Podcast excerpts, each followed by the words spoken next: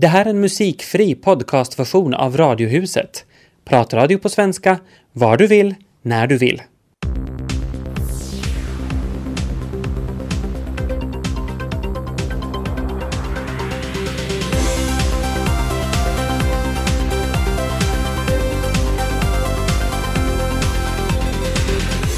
Radiohuset eh, torsdag med Tina Grönros och Peter Falun säger hej och välkomna. Vi sänder fram till 17. Och vi ska prata om handboll.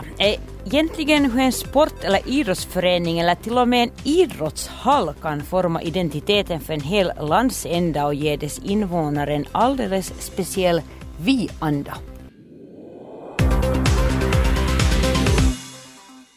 Ikväll kan man i TVn, det vill säga på Yle 5 se ett program som skildrar slaget om Västnyland åren 1980 till 91.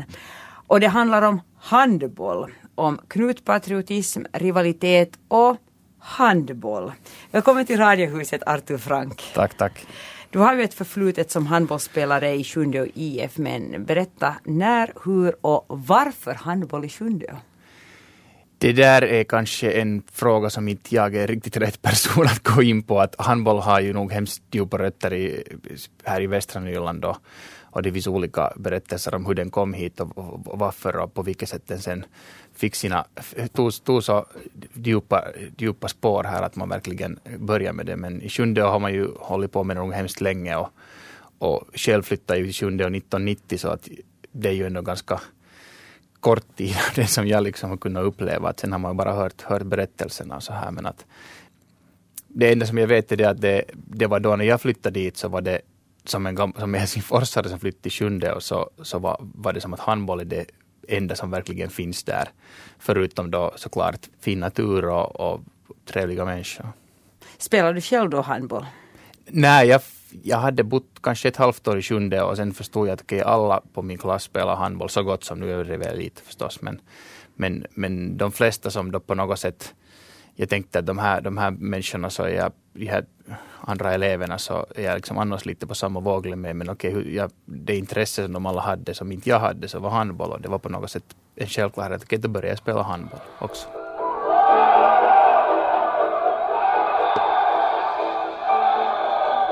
kan ju kalla det att det var ett handbollskrig. Har du mött äh, västnyländska ärkerivalerna för Sjundeås del då, BK46 från Karis? Jo, då när jag spelade i, i no, både såklart som junior, men också sen när jag då tog steget upp till herrlaget så, så nu spelar man ju tre, fyra gånger per säsong mot dem. Det var en period som, som vi i Sjunde och IF nog äh, tog ska vi säga, stryk varje gång. Jag vet inte om jag någonsin har varit med om att ha vunnit BK 46 på herrnivå. Vi var nära några gånger men, men det var nog så att, att den här perioden som den här filmen handlar om så där, där finns ett visst skede där början på 90-talet som, som det var ganska jämnt men, men annars har det nog oftast varit så att Sjunde har varit lillebror och, och BK46 storebror och det här var nog fallet så då när jag också var aktiv på, på mästerskapsserienivå också. Varför ville du Artur Frank göra en film om det här, det vill säga om handbollens stora betydelse i lilla Västnyland?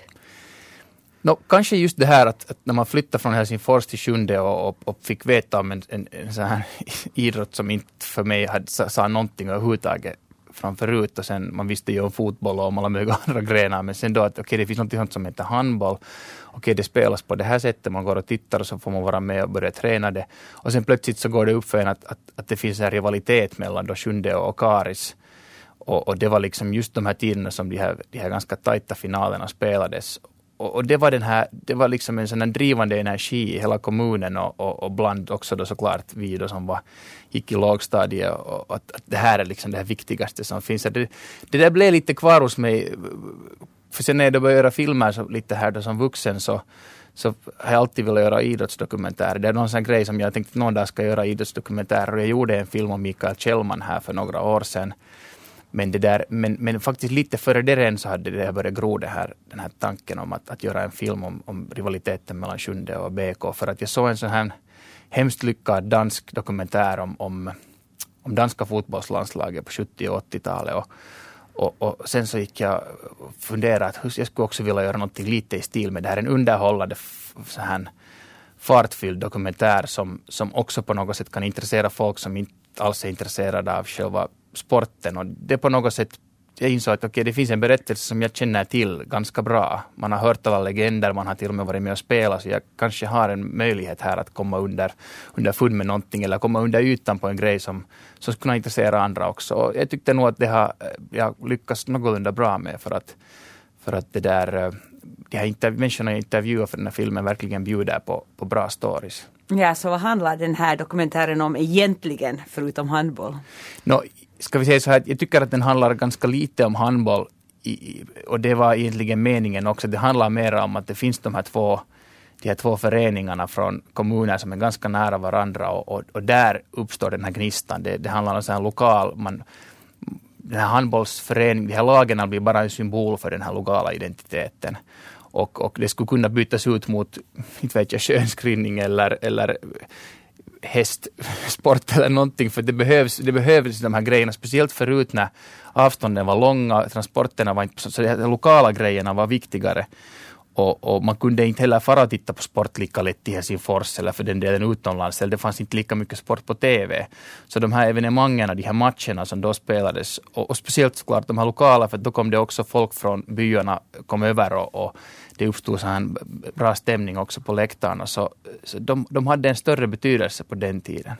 Jag tror att det är på sätt och vis, det här, här är saker i den här filmen som, som många kan känna igen från, från motsvarande situationer, men på helt andra ställen, i helt andra sammanhang. Och också därför för att jag tycker att i den här berättelsen finns det sådana små också, eh, sådana berättelser som, som också kan beröra på ett universellt plan också. Här, här finns en kille som bytte bytte med lag under en sån period när det ännu var ganska tabu att man gjorde det.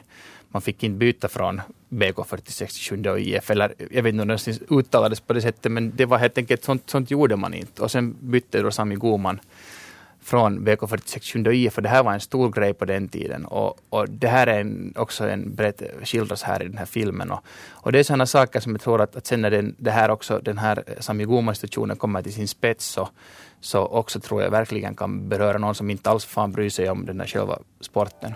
No var han ju en stor petturi. Det hjälper ingenting. Att... Mä varmaan tein siinä paljon isomman asian, kun mä tiesin, mitä mä tein. Det blev ju ett jäkla halva sen. Nu var det väl lite inflammerat hela den här historien. Nu har du ju intervjuat folk så här jättelångt efteråt, men får du upp den här dramatiken, det här känslan av 1980-tal fortfarande fast eh, gubbarna har blivit gamla och grå och, och kanske handbollen inte, ja nu är ju stor i Västnyland fortfarande men, men ska vi säga att det, det kanske är lite sådär andra roller idag. Jag menar Sjunde för det första lite bättre än, än BK idag och, och kanske inte handbollen riktigt, riktigt lika stor ändå idag mera. Men hur har du lyckats bibehålla den här dramatiken? No, där ska vi se, där måste jag ju vara tacksam för att det har verkligen kunnat hittas så mycket arkivmaterial. Det arkivmaterial är det som, som verkligen gjorde det möjligt att, att kunna måla den här berättelsen och de här, den här, få fram den här dramatiken. Att utan det skulle det nog bara ha blivit varit just gubbar som, som pratar där, men att man kan inte man verkligen här, vi jobbar på den ändå i över två år, så vi, vi verkligen nog vi tog kontakt med så mycket människor som möjligt och, och försökte hitta Eh, ljud eller bild, eh, helst både och material för att kunna skildra den här berättelsen. Och, menar, vi har ljudupptagningar från eh, första gången de här föreningarna möttes i final 1980. Vi har såklart en massa foton också, men att sen har vi redan från 83 framåt så har vi eh, tv-bandningar, både då sådana FSTs bandningar från matcherna, finalerna, men också från lokal-tv, Karis-tv. Och det är egentligen de här materialen, de här ljuden och rösterna, och, och, bilderna som, som sen verkligen ger färg åt den här berättelsen. Att, att på sätt och vis skulle jag säga att de är i det här fallet nog li, minst lika viktiga som intervjuerna. Så det finns liksom, vi kan visa saker, inte bara tala om dem. Mm, knutpatriotism, rivalitet och, och men inte ändå kanske huliganism? Nej, no, inte skulle jag säga huliganism är nog att ta i lite nog, men att ska vi säga så här att de här de här publikläktar, de här eh, följderna som det kom ibland, så det är nog eh, långt över det som man idag ser när man går och tittar på en slutspelsmatch. Att, att det kunde liksom, ska vi, nu kan man säga att, att modellen kanske fanns bland någon sån här form av huliganism utomlands eller någon sån här bilder man ibland ser på TV från, från Tyskland eller från Spanien eller från England, men att nu var det ju ändå mycket snällare än det ofta nog att inte, det är ju till våld inte men att men att ska vi säga att nu, var det, nu käbblades det ganska friskt nog och, och det där och, och skreks nog fullt, fullt fram från båda hållen och det där det är när man tittar på de där gamla matcherna från 1990 och 1991 som då finns Karis TV har, har bandat så, så man tänker nog att, att fan det skulle vara sån där känsla när man nu går på en slutspelsmatch i handboll. Så det, det skulle verkligen det skulle verkligen vara mera intressant att, att gå på de där matcherna. Jag tycker det är lite för snällt nu för tiden och, och, och jag tror att många kan hålla med medan de sen ser den här filmen, hoppas jag. Och reportaget Slaget om Västnyland 1980 till 1991 visas på Yle 5 ikväll klockan 21.00. Tack för att du kom till Radiohuset, eh, Artur Frank från 4 KRS Films.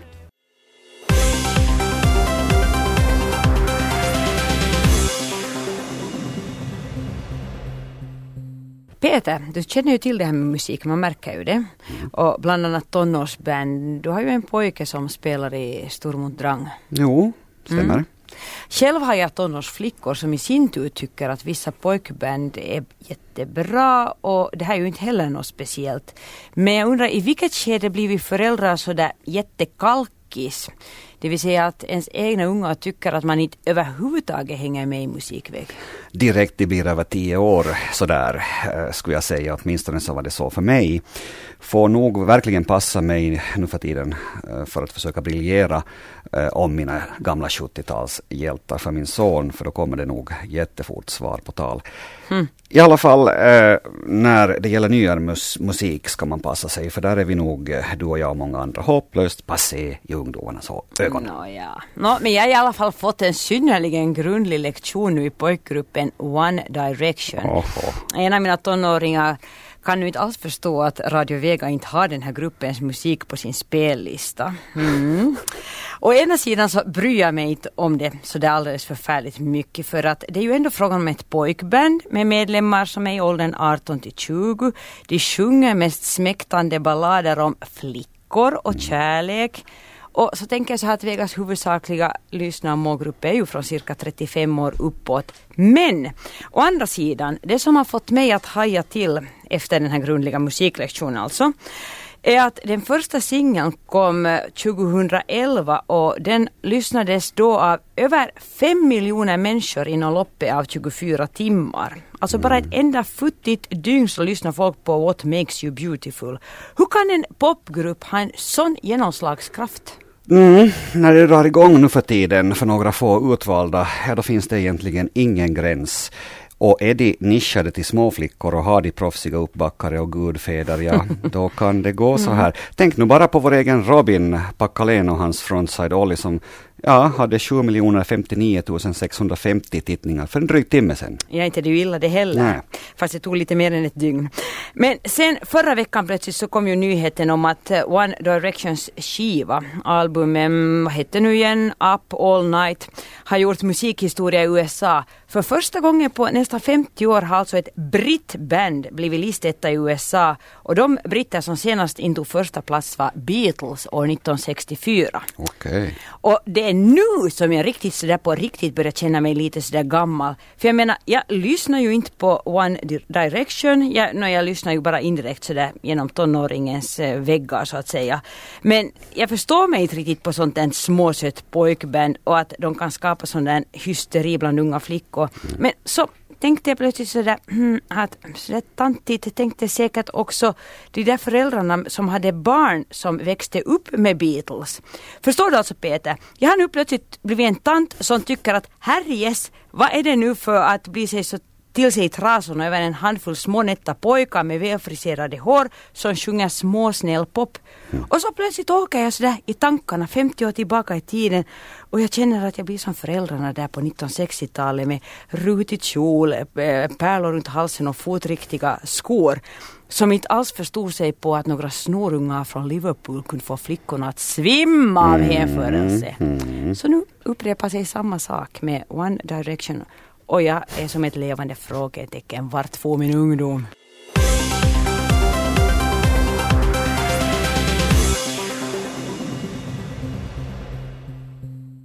Välkommen till Radiohuset, Klaus Laitinmäki. Tack ska du ha. Du jobbar som översättare. Vad översätter du för någonting? Jag översätter saktexter från svenska, norska och danska till finska. Vilken typ av saktexter?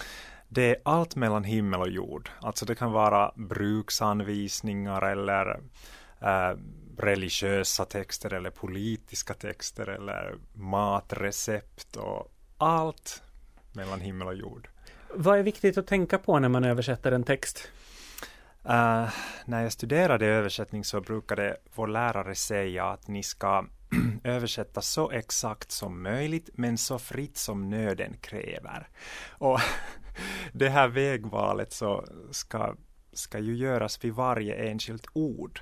Så och slutresultatet beror ju på äh, översättarens analys av äh, källtexten och kontexten, det vill säga världen omkring texten. Så att man ska ta hela den här helheten i beaktande och sen skapa en helt ny text som är, som, li, som är liksom samma sak som originaltexten men ändå annorlunda.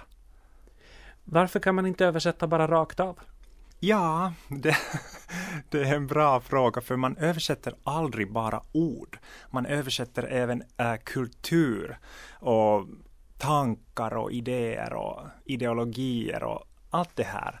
Och sen ska man alltid tänka på vem det är som är mottagaren. Och, och man ska ju fatta sina beslut beroende på det. Hur lätt eller svårt är det att översätta mellan svenska och finska? No, det är säkert lättare än att översätta från äh, japanska till finska eftersom vi inte har så stora kulturskillnader. Så det är lätt att förstå varandra. Men sen, uh, jag skulle säga att det, det är svårt att översätta överhuvudtaget. För det, det finns ju så stora skillnader mellan de olika språken och, och då ska man ju bara hitta ett sätt att komma över alla de här barriärerna. Vilken är en typisk sak som gör det svårt att översätta? Det är alltid svårt att tänka att hur ska, ni, hur ska jag nu säga det här på finska? Det är, det är någonting som man säger tusen gånger varje dag. Men sen äh, termer är sånt som eh, vållar stora problem. Alltså, det kan finnas väldigt konstiga ord och termer i källtexterna. Då ska man bara söka information och försöka ta reda på vad det är för någonting. Hur är det med idiomatiska uttryck? Ja, jag tror inte att det, det är så svårt att översätta dem, för det finns alltid, nästan alltid, äh, någon motsvarighet. Men man ska bara komma på det. Men det som är svårt är att till exempel svenskan och finskan, det är så olika språk och så annorlunda och sen så det är en stor fara att man liksom börjar ta äh, formuleringar och konstruktioner från äh, till exempel svenskan och överföra dem till finskan. Men det går ju inte för den grammatiska strukturen är så annorlunda. Det, det, det blir konstgjord och konstigt om man gör, gör på det sättet. Så att det är svårt. Vad ska man ha för utbildning för att jobba som översättare? Det, det är ju många olika människor som jobbar som översättare och vissa har översättarutbildning och vissa har, har det inte utan de är liksom självutbildade. Men själv har jag studerat äh, översättning och tolkning i svenska vid Helsingfors universitet. Och jag tycker att att läsa översättning är inte samma sak som att läsa språk. Eftersom man liksom, när man studerar språk sådär allmänt för att bli lärare till exempel så är översättning ofta någonting som man gör för att äh, när man försöker lära sig grammatiken. Alltså det, det är bara ett redskap där. Men för oss är det ju någonting helt annorlunda. Vad kräver översättning för egenskaper? Jag skulle säga så att en bra översättare är eh, förstås lingvist, men sen också bibliotekarie och sen informatör. För att eh, lingvist därför att man ska ha utmärkta kunskaper i språket och i synnerhet modersmålet. Men sen bibliotekarie därför att en stor del av arbetet består av informationssökning. Så det är på grund av att det finns så texterna kan behandla eller temat i texten kan vara vad som helst. och sen det där att, att vara informatör, så det handlar ju om att, att vår, vår uppgift som översättare är att förmedla budskap och det ska göras på ett ändamålsenligt sätt. Och då ska man veta hur man, hur man får budskapet fram i varje situation. Hur fastnade du själv för, för översättning? Jag skulle säga att det började när jag var liten och jag tittade på Dallas med min mamma. Uh, och jag brukade alltid fråga henne att okej, okay, vad betyder det där ordet och det där ordet? Men min mamma kunde ju inte engelska, men sen försökte hon översätta med hjälp av undertexterna. Och det första ordet som jag lärde mig i engelskan, det var business. Och språk, språk blev ju en business för mig. Men det här beslutet att, att läsa översättning, så det fattade jag först i, eh, på gymnasiet. Så att jag tänkte att jag vill inte bli lärare, jag vill inte bli forskare. Det insåg jag vid universitetet. Och sen visste jag att okej, okay, jag vill ändå jobba med språk och det här är någonting som, som är fascinerande. Och jag vill inte heller skriva själv. Så för mig är det naturligt att förmedla någon annans tankar. tankar så att jag kan ändå utöva min kreativitet där. Varför blev det just nordiska språk? Det var också någonting som, som liksom kom först uh, på gymnasiet. Uh, jag hade alltid tänkt att jag skulle läsa engelska, men sen började jag plötsligt lyssna på svensk musik jättemycket. Och känslosam musik. Och på något sätt den här kombinationen mellan, mellan jag vet inte, det blev ett mycket känslosamt språk för mig, svenskan. Och det, det påverkade. Men hur skulle du beskriva det svenska språket? No, om, om, man, om jag jämför med engelskan, så engelskan, för mig är det ju mm, liksom, det, det, det är ett allmänspråk som, som man kan tala var som helst. Men svenska, det kan man tala bara i Norden och därför är det, det är ett identitetsbärande språk på ett helt annat sätt än engelskan för mig. Och därför det är också viktigare på det sättet. Vad är det som kan göra svenska svårt för finskspråkiga? Jag skulle säga att det är attityden. Till stor del. Och sen en annan sak är väl det att jag kommer själv från södra Österbotten där språkgränsen är väldigt stark, eh, skarp. Och eh, till exempel min eh, före detta hemkommun Ylihärma var helt finskspråkig medan grannkommunen Vörå är nästan helt svenskspråkig och som barn hörde jag aldrig svenska där. Så det var liksom två, det var skilda världar och det var omöjligt att hoppa över språkgränsen. Jag tycker att vi borde umgås med varandra mera för att det skulle vara naturligare för människor att använda svenskan. För vad kan finskspråkiga vinna på att lära sig nordiska språk? Uh, svenskan till exempel, det är ju en nyckel till, till hela Norden om man kan svenska så då, då, är det lättare att lära sig norska och danska och då har man plötsligt fram, framför sig en arbetsmarknad som har 25 miljoner människor och inte bara fem. Så att det är det. Och sen också, eh, man ska också tänka på de eh, kulturupplevelser och konstupplevelser som man kan få när man, man kan. Man får så mycket utav det. Vad är det för skillnad mellan att själv förstå ett språk och att läsa en översättning? Jag märker många gånger att översätt, även översättare tycker att okej, okay, eh, att jag läser helst den här boken i original. Och, och tanken verkar ju vara den att, att okej, okay, det, det, är mindre äkta när det är i översättning. Men själv äh, brukar jag tyck, äh, tänka att, att jag njuter så mycket av att få läsa en bra översättning. För det ger så mycket, det, det ger annorlunda associationer. Och sen när jag läser boken, till exempel samma bok på originalspråket, så då då tänker jag liksom att okej, okay, jag förstår och, och det är givande och språket är vackert eller vad det nu är, men det har inte samma äh, känsloeffekt. Det är så främmande bara.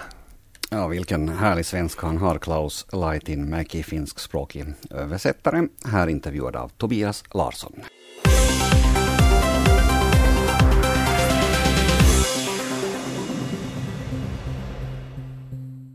Igår talade vi ju om chokladen som man nu inte lär bli fet av nu för tiden. Idag vet forskare berätta att råg är ännu hälsosammare än vad vi har trott.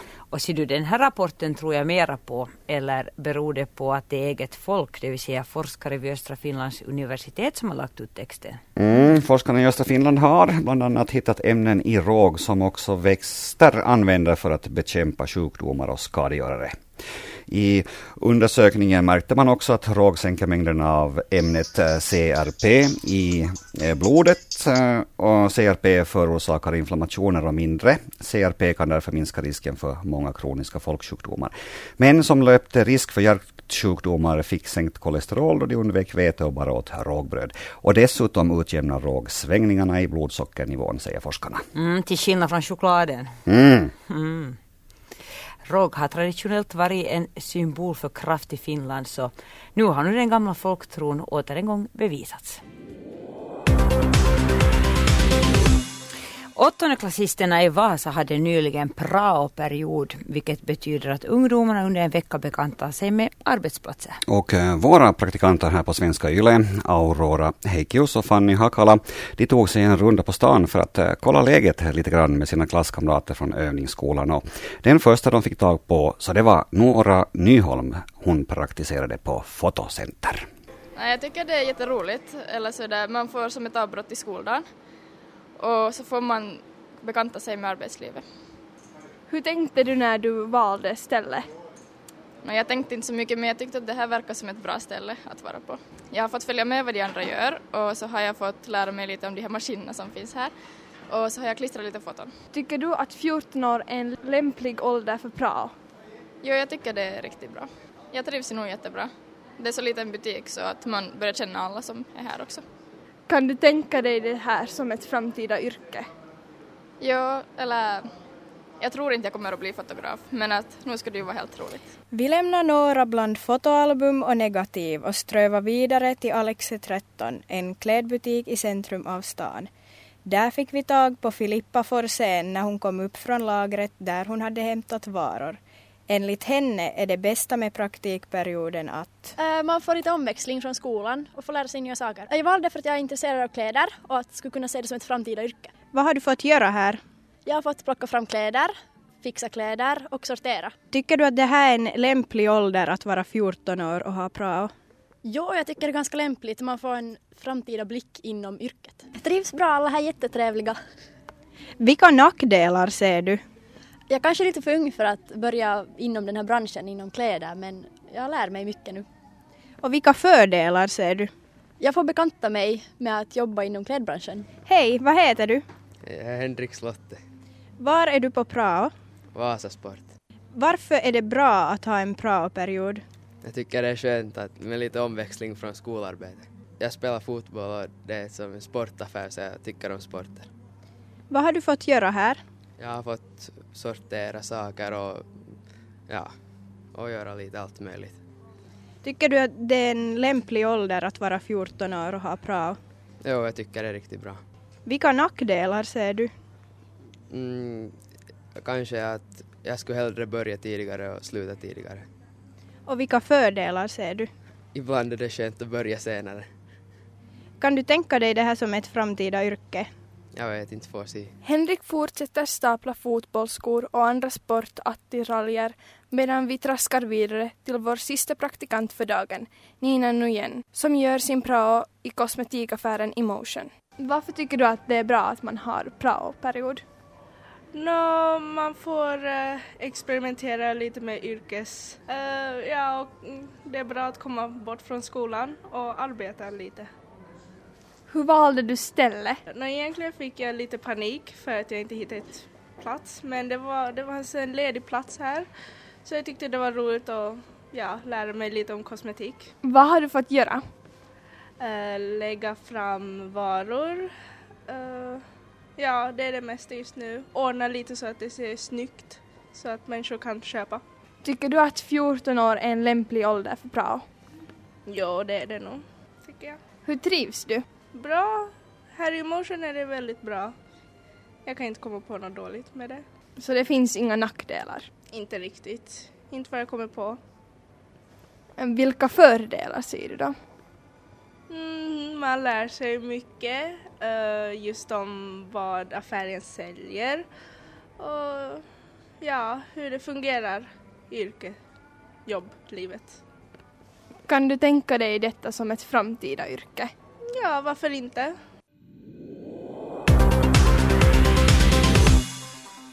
Han hette Michael och jag träffade honom hösten 1993. Platsen var den amerikanska huvudstaden Washington DC. Landet hade tidigare samma år fått en ny president. Han hette Bill Clinton. Clintons planerade hälsovårdsreform var då på alla läppar. En reform som skulle trygga sjuk och hälsovården åt de nästan 50 miljoner amerikaner som var oförsäkrade på den tiden. Michael var en av de oförsäkrade och det var därför vi sammanstrålade. Jag skulle göra mitt första inslag som korrespondent för TV-nytt om den upphåsade hälsovårdsreformen och Michael skulle i inslaget personifiera miljonerna av oförsäkrade amerikaner. Han bodde på ett härberg för fattiga och var av förekommen anledning en anhängare av reformen. Den skulle ju i högsta grad gynna honom själv, utsatt som han var. Trots att det gått så länge sedan mitt första och enda möte med Michael kommer jag av någon anledning ihåg hur han såg ut. Men framförallt kommer jag ihåg hans röst. Den var mjuk och samtidigt lite gäll och så lutade han sig fram när jag ställde mina frågor och inledde ibland svaret med ”Well, Shell” och det tyckte jag var lite roligt.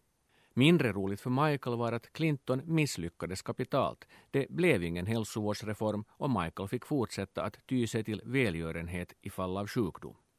Minnet av den sympatiske Michael dök upp för mina ögon när jag idag, nästan 20 år senare, följer med ännu ett kapitel i kampen om att införa allmän sjukförsäkring. Ni kommer kanske ihåg att nuvarande presidenten Barack Obama efter en hård kamp faktiskt fick igenom sin egen hälsovårdsreform för ett par år sedan, känd som Obamacare. Den garanterar hälsovård åt en stor del av de oförsäkrade. Men, men, nu är frågan uppe i den heligaste av amerikanska instanser, Högsta domstolen. Motståndarna till reformen har nämligen organiserat sig mot Obamacare och vill att den upphävs. Och argumentet är det gamla vanliga. Det strider mot grundlagen. Kort och gott, grundlagsstridig. Däremot tycks det inte vara grundlagsstridigt att ha en sjättedel av landets invånare oförsäkrade och utlämnade till i bästa fall godtyckligt omhändertagande och i sämsta fall rännstenen. Så man kan åtminstone fråga sig vem och vad lagen ska skydda i så fall. Marknaden eller människorna. Efter alla dessa år slår det mig att de nio domarna som sitter och tolkar grundlagen är gamla bekantingar. Det är nämligen så att de utnämns på livstid så det är inte ovanligt att en domare hänger med i svängen i flera decennier. Som Antonin Scalia. Han valdes till domstolen av Ronald Reagan redan år 1986. Alla vet att domare Scalia under inga omständigheter kommer att rösta för Obamacare. Och alldeles riktigt så argumenterade han tidigare i veckan mot reformen. Så här resonerade domaren. Ska regeringen i framtiden tvinga medborgarna att köpa broccoli, gymkort eller bilar? Det här alltså med anledning av att Obamas plan skulle tvinga friska människor med jobb att bidra till den obligatoriska hälsovårdens gemensamma kassa. Hälsovården är alltså enligt de här rättslärda vilken produkt som helst på en marknad som inte ska göra någon skillnad mellan broccoli och människoliv. De som vill fortsätta med det nuvarande systemet, som alltså tillåter att 50 miljoner amerikaner går oförsäkrade, insisterar ändå på att det är fel att kräva att unga, friska, arbetande människor bidrar till det gemensammas väl eftersom regeringen inte kan förutsäga när de blir sjuka. Enligt den fria marknadens individcentrerade logik är det givetvis rätt tänkt, i teorin. Eller som en demonstrerande dam uttryckte det i en intervju för kollegan Mette Nordström i Washington igår. Vi är vana med frihet i det här landet. Vi har haft det så i 200 år. Vi vill besluta själv om hälsovårdsfrågor utan statlig inblandning. Precis. Ända tills damen själv blir gravt sjuk och i behov av vård som hennes privata försäkring inte nödvändigtvis täcker.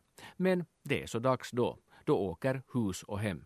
Så sorry Michael, om du lever ännu. Din grundlagsenliga rätt att vara oförsäkrad ser ut att bestå.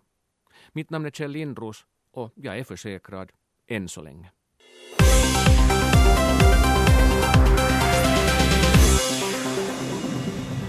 På lördag kväll klockan halv nio eh, slocknar alla lampor och all belysning runt om i hela världen. På det här sättet vill Världsnaturfonden uppmärksamgöra vad en timme kan göra för miljön. Earth Hour-jippot eh, har vuxit till sig och blir större för varje år som går. Det verkar nästan som om alla skulle delta och släcka belysningen för en timme. Ja, alla förutom staden Raseborg. Det är helt enkelt för dyrt. Alltså den inbesparingen i elström som det hämtar in så den är mycket mindre än den kostnaden som det orsakar att, att tända och släcka gatubelysning i alla de här kommuncentra som vi har gjort tidigare. Vad kan ni göra då istället? Vi kommer att eh, eh via vår hemsida till exempel då försöka uppmuntra invånarna att delta i det här och, och grundtanken i det här är ju det att vi ska uppmärksamma den här klimatförändringen och att alla människor kan stävja den på sitt eget sätt. Och det är ju det som är grundtanken i det och, och eh, det vill staden föra fram. Det är ju inte en kampanj där vi ska släcka lampor och tända lampor i sig inte, utan det är framförallt just det här att vi ska på allt sätt försöka med våra egna åtgärder och handlingar minska koldioxidutsläppen och, och spara energi helt enkelt. Så sa Ekenäs energidirektör Roald von Schultz, eh, här intervjuad av Vega Västnylands eh, Petra Tilman. Och så säger vi hallå till eh, Anneli Alftan som är ansvarig för WWFs företagssamarbete på Earth Hour. No, hej! Vad betyder det för er att en stad här då Raseborg bojkottar kampanjen? No, det betyder ju, det är ju klart att alla städer har, har, gör sina fria val. Men det här eftersom jag nu har hört också varför orsaken till det här så är det ju jättebra att det kommer fram för att den här, den här evenemang är ju verkligen inte frågan om att vi skulle spara energi genom att släcka, släcka ljusen. Utan det här evenemangen egentligen eh, har startat för att människorna ville visa sin oro över klimatet och klimatändringen och den vägen utsläpp vill vi minska i framtiden och i, i vårt vardagsliv på de här utsläppen för att hindra klimatförändringen i, i framtiden. Och det här är bara egentligen en sån här klimat, en, en sån här, ska man säga, klimatmanifestation som folk vill delta med och få beslutsfattarna att tänka om och, vi, och att folk visar hur viktigt det här är. Och, för, och då hoppas vi förstås att beslutsfattarna tar det här i beaktande i sina beslut för att där hänger ju en hel del om vad vår framtid i varje fall. Förstår du mm, alls deras resonemang där i Raseborg? No, jag har inte varit i kontakt med den personligen men det där, jag, jag förstår, förstår den helt bra och som sagt så det här är frivilligt den som Anders vill visa visa att den är, har en åsikt om de här sakerna och vill kämpa emot mot klimatförändringen och vill spara i framtiden energi och hitta de bästa lösningarna för det här. Och vi har ju också massor av människor som är privata människor som är med här. Var och en gör sitt beslut och, och det, det på något sätt minskar inte betydelsen av den här manifestationen. Till exempel förra året så hade vi 1,8 miljarder människor som deltog i den här i 135 länder. Och jag tycker det är ganska mycket att, att tänka att, och det här också är världens största, största som har en gemensam manifestation som finns runt världen för tillfället. Och den började ju 2007 i Sydney. Och jag menar här är stora städer med, här är stora arrangemang runt det här och jag tycker att om någon inte vill vara med så är det ju klart att de får välja fritt hur de vill. Och jag förstår deras praktiska orsak och det finns också många företag här som vi hade som gärna vill delta men kan ju inte helt i fullo delta för att det är ganska omöjligt att släcka vissa beslut. Be, be, be, alltså belysningen är ju bara meningen att släcka men i många har sådana mm, system att det släcker lite för mycket viktiga saker. Till exempel restauranger kan ju inte släcka kök. Man vill bara visa att man vill vara med genom att släcka ljus. Det är inte frågan om att man behöver släcka alla ljus och om det ställer till med liksom sådana ekonomiska saker så klart att man kan låta det bli. Det är ingen liksom stor grej tycker jag. Har ni hört ändå om fler avhoppare? No, vi har direkt inte hört, hört om några fler avhoppare, men vi har 50 kommuner som är med och det är egentligen den informationen som vi är mer intresserade över. Ingen har liksom aktivt meddelat att de inte vill vara med. Du nämnde att eh, det är så många som 1,8 miljarder, det var det i alla fall i fjol som deltog i Earth Ja. Tycker du att intresset i Finland är i paritet med, med övriga världen? No, jag skulle nästan våga påstå att det var vi gjorde då när det här började, eller vi tog första gången som WWF Finland var med i det här och vi hade nog en undersökning över hur många människor var åtminstone medvetna om det här. Så det var nog helt otroliga mängder, otrolig liksom kvot som var med i den här. Och till exempel i Stockholm och, och i Sverige hade räknat med att varannan människa släcka, har släckt ljusen förra året. Nu är den ju omfattande måste man säga och det här är ju ganska speciellt att någon sån här kampanj har, har kunnat sprida sig genom världen och genom alla, alla nivåer så här långt. Vad tycker du nu att vi var och en också i Raseborg kan göra nu då eh, för att göra en insats? No, det är ju helt enkelt att, att privata människor släcker lamporna för, för en timme och under den tiden kan de hitta på hur många skojiga saker som helst fira det tillsammans med sina vänner och ha en akustisk, akustisk, akustisk musik och, och eh, ha det trevligt i, i, i, i till exempel ljussken.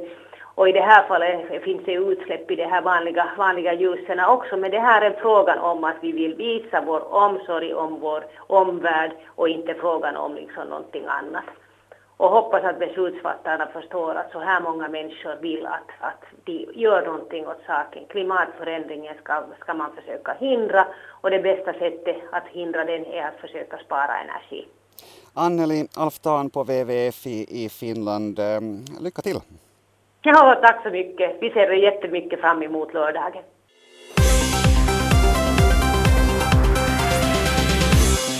Det här var en musikfri podcastversion av Radiohuset som sänds i Radio Vega måndag till torsdag. Mer information om programmet hittar ni på svenska.yle.fi radiohuset.